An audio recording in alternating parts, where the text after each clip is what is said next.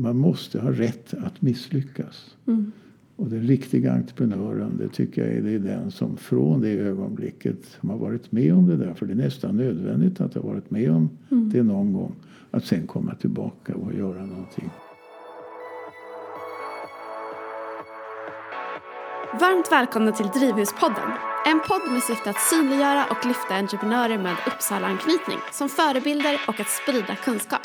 Vi vill inspirera, men inte minst visa på den fantastiska entreprenörsandan som finns i Uppsala och hur viktigt det är att ge unga människor möjligheten att förverkliga sina drömmar här. Den här podden produceras i samarbete med den digitala kommunikationsbyrån Salgado och Radisson Blue i Uppsala. Det centrala hotellet med gångavstånd till resecentrum och världen erbjuder om konferens i världsklass. Jag som leder samtalen heter Katarina Skröder och jag är VD på Drivhuset i Uppsala. Drivhuset är en stiftelse som arbetar för att fler unga och studenter ska få chansen att starta företag och förverkliga sina idéer. Nu kör vi! Idag ska vi träffa en av Sveriges mest framstående affärsmän. Han startade som en ung pojke från landet i enkla förhållanden för att sedan komma att bli Sveriges yngsta börs-VD. Han är entreprenören och finansmannen som byggt ett imperium med hjärtat i Uppsala. Han har mottagit otaliga utmärkelser och priser för sitt engagemang och för sitt företagande. För de flesta är han en stor förebild och i Uppsala en av våra absolut största ikoner. Vid 87 års ålder är han fortfarande aktiv i affärslivet. Introduktionen kan göras lång då dagens gäst har varit och är fortfarande en central del av Sveriges näringsliv och enligt mig en av Sveriges absolut största entreprenörshjältar. Varmt välkommen till podden Anders Wall. Tackar så mycket. Det är trevligt att få sitta här i mitt gamla kontor här mitt i Uppsala och prata med dig. Jättetrevligt. Hur eh, mår du idag? Har du haft en bra start på jag dagen? Jag mår eh, jättebra. För min ålder så tycker jag att jag mår väldigt bra. Jag har börjat dagen med träning. Okej. Tränare och simmat har jag gjort. Tränar du på gym då eller? Nej, hemma. Hemma? Ja. Mm. Jag har en gård utanför Uppsala. Vad härligt det låter. Ja. Det låter som en bra start på dagen. Ja, det är en bra start på dagen. De dagar jag är där ibland. Ofta är jag ju också i Stockholm. Jag Ja. delar ju min tid mellan Stockholm, i huvudsak Stockholm och landet. Men jag hoppas det ska svänga lite grann och bli mera landet. Ja. Det är en gård och där har vi kor och får och höns och allt sånt där trevligt. Gud vad mysigt. Ja, det- Men tränar du? Börjar du alltid dagen med träning? När jag är där så tränar jag ganska mycket. Och det är en del tror jag som är viktigt för mig att försöka hålla igång. Ja, verkligen. Vad betyder entreprenörskap för dig Anders? Ja, det har ju betytt kolossalt mycket för mig. Allt sedan jag var väldigt liten så var jag road utav entreprenörskap. Det kallades väl inte för entreprenörskap på den tiden. Det har ju inte först på senare år funnits i Svenska Akademins ordlista som ett riktigt ord. Vad det verkligen betyder och knappast fortfarande. Du har ju stöttat många entreprenörer och ehm, även forskare och andra ungdomar. Ehm, går det att beskriva entreprenörer generellt? Finns det vissa förmågor eller egenskaper som är entreprenöriella? Ja, det tror jag faktiskt. Jag tror att det går inte direkt. Jag har ju försökt. Vi har ju en professur i entreprenörskap som är här vid Uppsala universitet.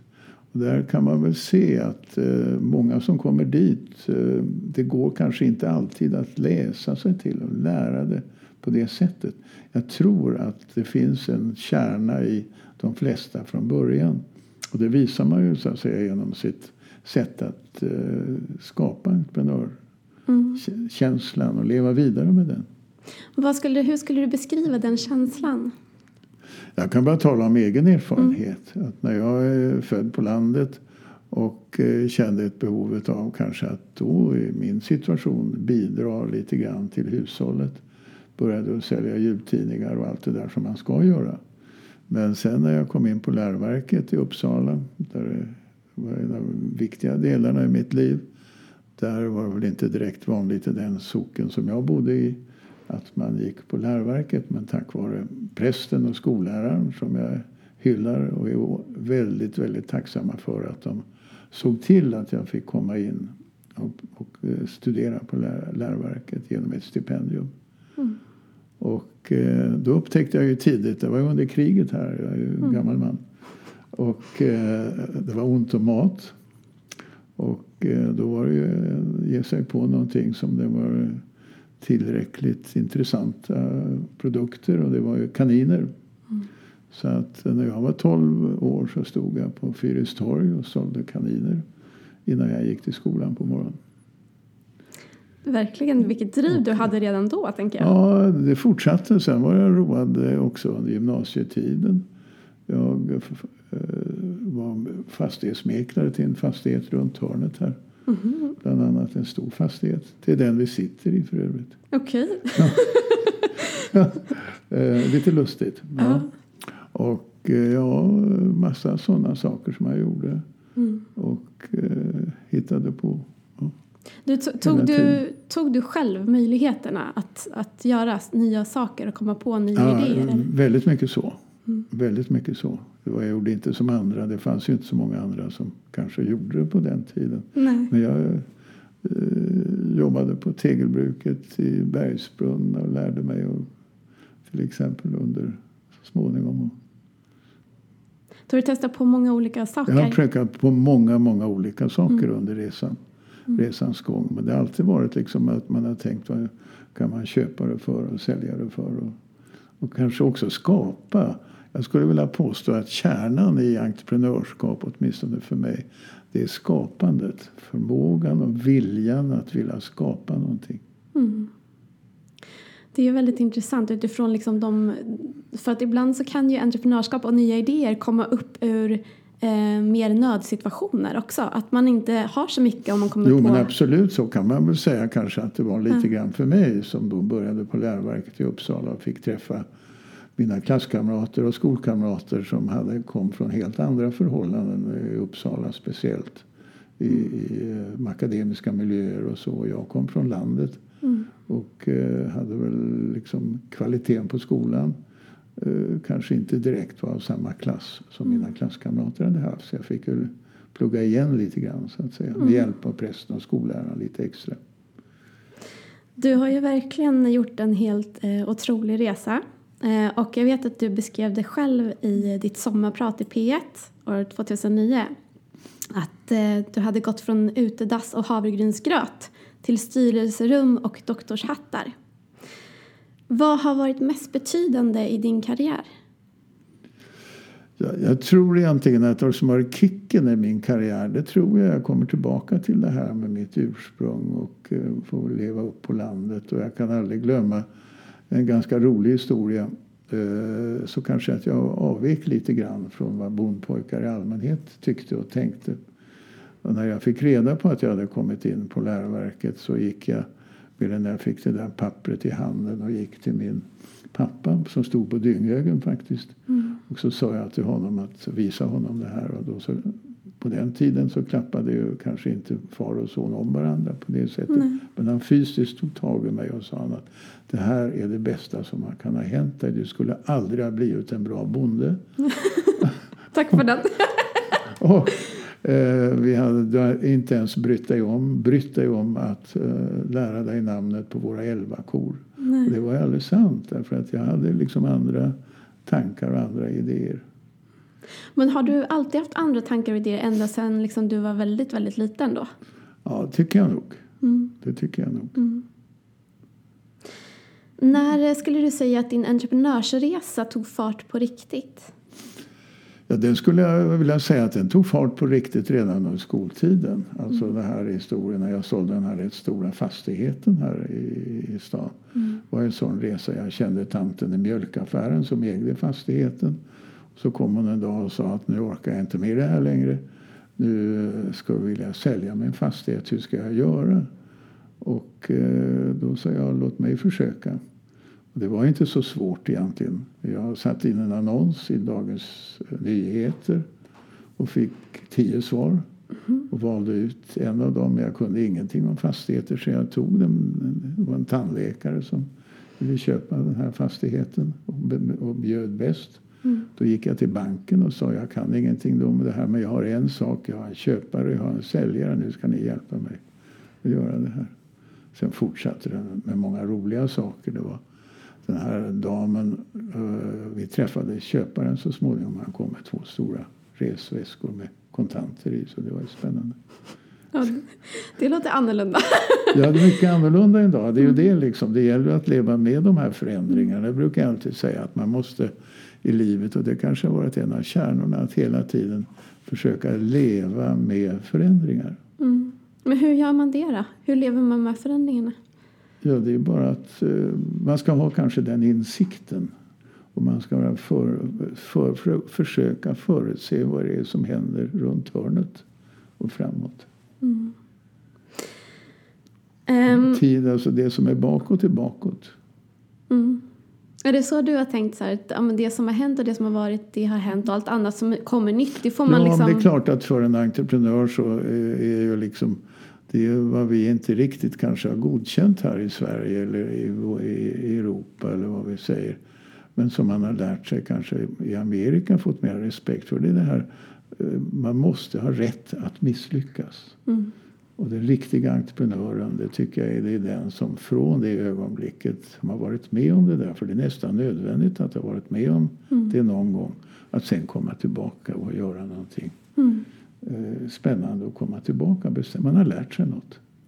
Ja, för man brukar ju säga att man lär sig mer av misslyckanden. Ja, men det är självklart. Mm. Men alltså, nu börjar det äntligen bli accepterat. En människa som gick i konkurs förr i tiden, den var ju körd. Liksom. Så är det inte idag, utan den har ju nya möjligheter. Kan du berätta eh, om något misslyckande som du har gjort och vad du har lärt dig av det? Ja, jag brukar säga ibland att jag har lärt mig väldigt mycket av att när man fusionerar eller man kommer i det läget där man liksom ska gå tillsammans med någon annat företag så är det ju inte bara pengarna utan att det är en bra, bra pengaaffär utan det är också viktigt om man själv är involverad att man mm. eh, känner att man trivs tillsammans, att människor trivs tillsammans och att företagen i grunden, i kärnan, har någonting gemensamt. Det är mm. inte bara liksom den yttre pengaslanten. Har du och det har jag upplevt i, ja. en, i en mycket stor affär. Okej. Okay. Ja. och hur hanterade du den motgången då? Eller det? Ja, det, det var en av de stora, tycker jag, kanske inte motgång. Det blev ju pengar, men det blev ju kanske inte riktigt det jag hade tänkt mig Nej. i det sammanhanget. Därför att eh, man kan till exempel inte så gärna ha två tuppar i samma hönsgård. Liksom. Nej, det kan bli problem då. ja, ja. ja, det tror jag att jag lite upplevde under en period. Mm. Och då antog jag att, att då reflekterade du över det och sen så um, tog du med det vidare. Ja, klart. absolut. Ja, men det har ju varit hela målsättningen hela mm. tiden att aldrig upp, ge upp nyfikenheten. Mm. Tycker jag att vara nyfiken mm. är en av kärnorna till, i den här som man upplever om man vill vara framgångsrik. Mm. Men sen är det ju så att i mitt fall så om du talar om att, liksom du säger inledningsvis, att jag varit framgångsrik så tycker jag för mig har livsfilosofin varit och är den att jag gärna vill ge tillbaka och visa lite grann av tacksamheten. Mm. Och det har jag då försökt att göra genom de stiftelser som vi har startat. Beijerstiftelsen och eh, Anders Walls stiftelse med två något olika inriktningar men egentligen samma syfte. Beijerstiftelsen att satsa mycket på forskning, akademisk forskning. Vi har varit framsynta på mycket spännande områden inom medicin, medicinskt eh, DNA-forskning till exempel var vi först. Och vi var först tidigt ute på 70-talet med, med uh, miljöforskning med Vetenskapsakademin mm. som är framstående forskning. Så att, uh, och för Anders Walls stiftelse att stödja ungdomar mm. eftersom man gärna är samma andra entreprenörinriktade ungdomar ge dem chansen att bli synliga. Det finns väldigt mycket duktiga entreprenörer runt om. Men det gäller ju också att bli synlig lite grann. Hur kommer det sig att du brinner så mycket för att just stötta unga entreprenörer? Jo, men därför jag själv hade ju inte den möjligheten. Jag hade inte de pengarna. Liksom. Jag skulle ha velat gjort ännu mera. Det finns så mycket duktigt, duktiga unga människor och de ska få en liten möjlighet att träffa andra duktiga entreprenörer. Att också få kanske då en slant så att säga som startkapital. Eller fortsätta sin utveckling. Det är inte ett pris utan det är ett stipendium att fortsätta sin utveckling. Ja, alltså de unga är ju eh, framtiden. Ja, absolut. Så är det ju. Ja, det bara är så. Oavsett vad Och man jag tror tycker. också att uh, ungdomar idag, till skillnad från tidigare, också tar till sig och liksom uh, upplever att de kan ta emot och lyssna och lyssna på mentorer och Mm. andra. Har du själv haft en mentor? Ja, uh, ja, det kan jag säga att jag har haft. Mm. Det var prästen, var mentor, skolläraren var min mentor. Sen hade jag eh, Kjell Beijer som eh, alltså ägde det gamla Beijer-företaget en gång i tiden som jag sen då stuvade om, jag får uttrycka mig så. Men har du alltid varit eh, modig? Ja, det vill jag nog påstå. Det vill jag nog påstå. Ibland för modig, men eh, också... Jag menar, eh, man kan inte så att säga ha le, genomlevt det spännande liv som jag hittills har haft eh, om man inte har, är lite modig. Också beredd att inte allt går vägen. Sen får det vara storlek på misstagen. Men jag har varit med om tunga grejer också.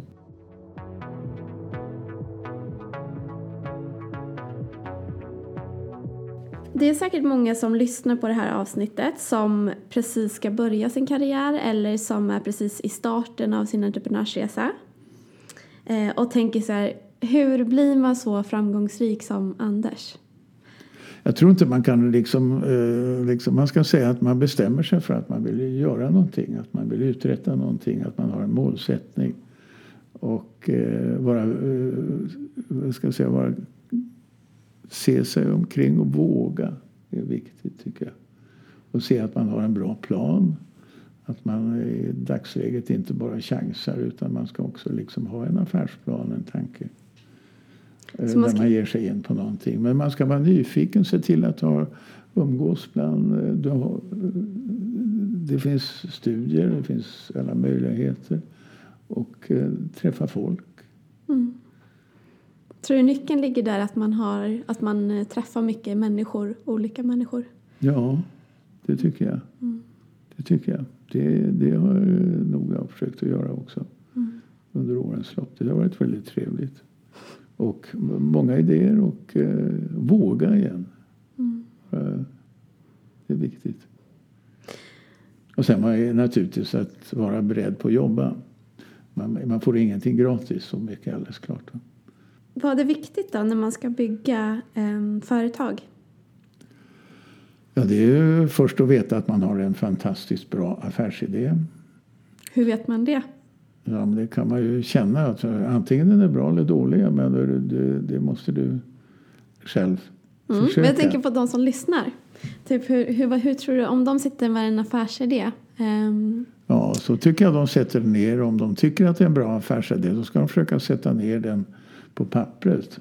Och sitta så här och för att göra en kalkyl och riktigt vad det kostnader och intäktsmöjligheter och liksom överhuvudtaget göra en på något år framåt och hur mycket pengar ungefär behövs det för det här och så får man se.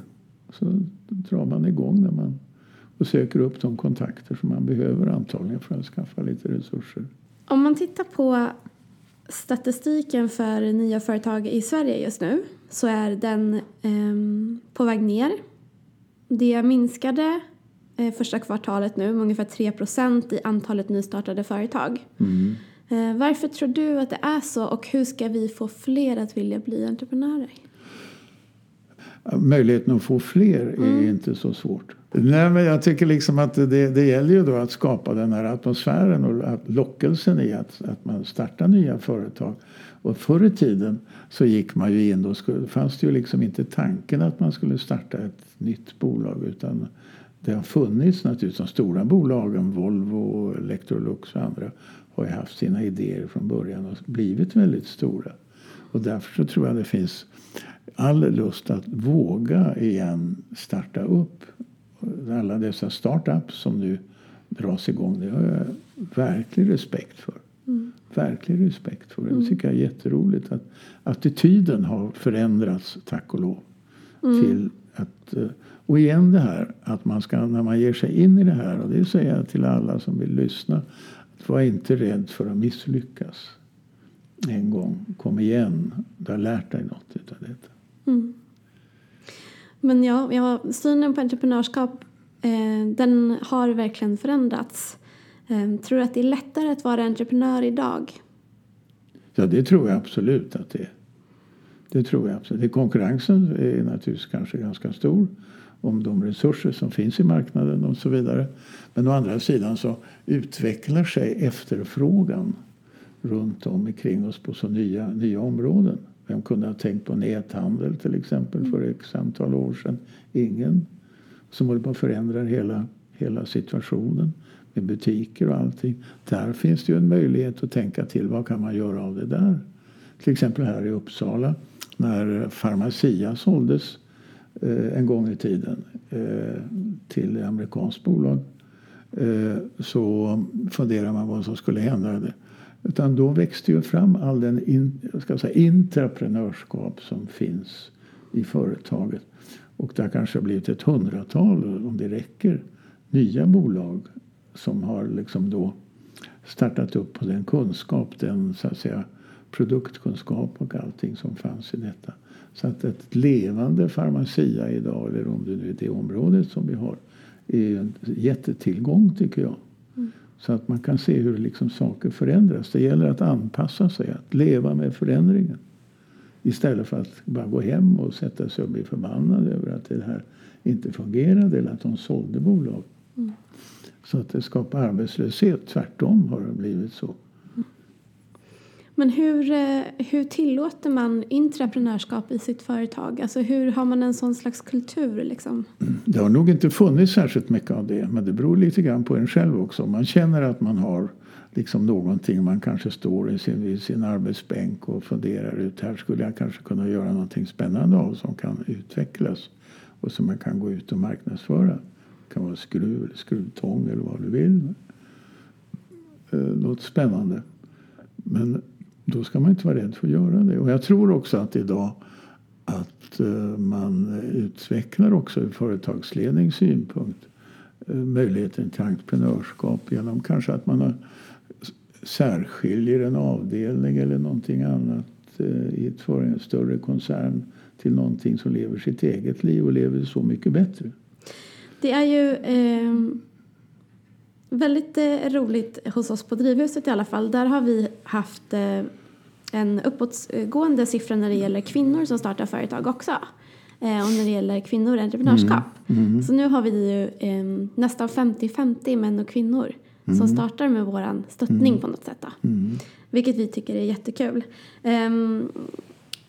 Hur ser du, har, har jämställdheten även nått näringslivet och, och styrelserummen? Du som har jobbat inom det här? Ja, det tycker jag absolut. Och jag tycker det finns ett, ett ansvar liksom att eh, det gäller ju mm, det är, liksom, det är en lång process på något sätt som tar en tid. Eh, därför att det finns ju då eh, äktenskap, barnafödande och allting i sådana saker som man förr i tiden kanske bedömde ur fel synpunkt och, sen, och liksom la väldigt stor vikt vid och så vidare. Idag vill man komma loss och man gifter sig senare, föder barn senare till man har skapat en karriär och sen kanske man kan, ja.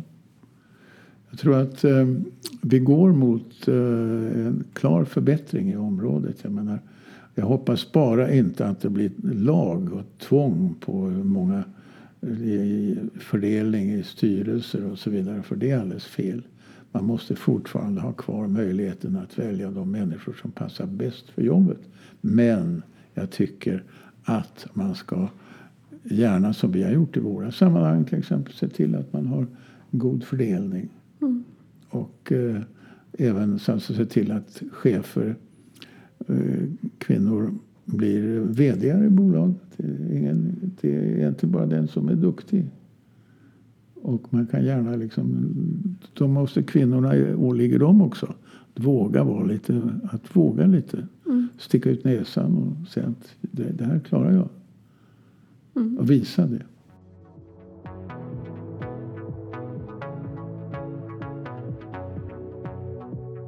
Alltså blanda lite grann. Det är ett gott råd jag skulle vilja ge till Mm. alla unga entreprenörer. Glöm inte bort den delen av det.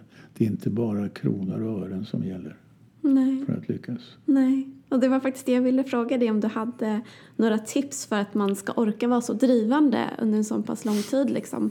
Ja, har, har andra intressen kan du vara sportintresserad. Du kan ha, det finns ju så mycket roliga saker att göra.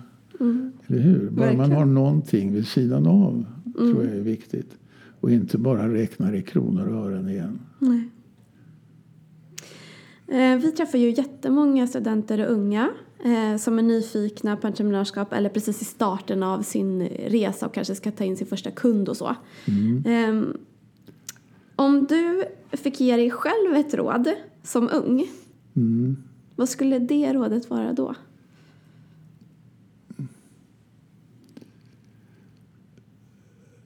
Var nyfiken. Mm.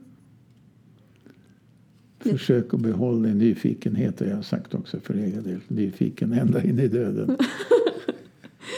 Ja, Ja, det tror jag. det blir så Och mycket liksom roligare då. Ja det, ja, det är absolut så mycket roligare då. Mm. Och jag menar, för dagens ungdomar så är liksom det här med entreprenörskap utnyttja alla tillfällen att till exempel bara, om jag får skryta lite då, eller åtminstone göra lite reklam, gå på Anders Wall-föreläsningen eh, där man får träffa liksom ledande företagsledare, ledande entreprenörer. Vad, hur de känner och man har tillfälle att ställa frågor och så vidare. Det, det är en härlig tillställning som det är jag är glad att jag var med och tog initiativ till en gång i tiden.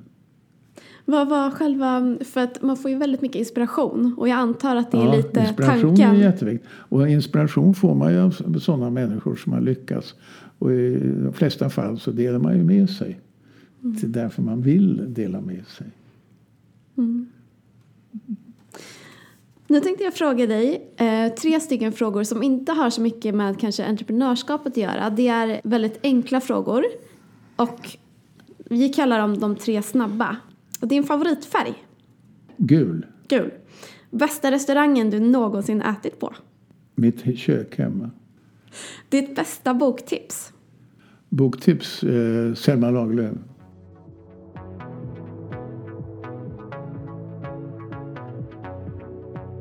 Att ge tillbaka tycker jag skulle många må bra av. Mm. Absolut. Menar att eh, dö stormrik och inte ha liksom givit med sig. Mm. Det skulle jag... Varför tror du att det är så viktigt att ge tillbaka? Ja, men det, jo, men det, det, jag tror det är viktigt därför man hjälper andra människor. Man stöder andra människor. Man kanske påverkar utvecklingen även externt, så att säga. Mm. För det är ju någonting väldigt speciellt med att jobba med något där man gör någonting för någon annan Mm, än bara sig själv. mm, Det blir ju som ett större värde i det. mm. Ja, det tycker jag. Men har, vad har din, varit dina främsta, så här, det du har drivits av främst i ditt liv? Är det att ge någonting större? Ja, ja, men att dela med mig av det jag har fått uppleva. Inte bara i pengar och stöd som vi ändå har gjort ganska stora belopp genom våra stiftelser som har ändå ett sammanlagt värde på 2,5 miljoner. Mm. Eh, så kan man säga att vi eh, delar, jag vill dela med mig av, liksom, av lite livserfarenhet. Mm. Mm. Man kan ha roligt, man kan ha trevligt och man eh, och, och kombinerat utav liksom, ta vara på livet. Mm. Jag kan säga det är egentligen det som kanske har givit mig allra mest i livet. Det är de 420 stipendiaterna som finns som träffas regelbundet. Vilken möjlighet att få vara, alltså att få vara del Ja. av det för dig. Alltså vad, Ja, vad härligt att du har skapat ja, den. absolut att jag har fått möjligheten att eh, skapa det här. Det har jag aldrig vågat hoppas. Nej. Så att jag menar överträffar alla mina livsförväntningar. Stort, stort tack för att vi fick komma hit och för att du var med i podden, Anders. Tack. Och- Trevligt att vara med och få träffa er. Verkligen. Och du är verkligen en jätte, jättestor förebild. Tack för att du lyssnar på Drivhuspodden. Har du en idé? Kontakta oss på uppsala.drivhuset.se. Och du, glöm inte bort att följa Drivhuspodden på Facebook och Instagram. Vi finns där poddar finns.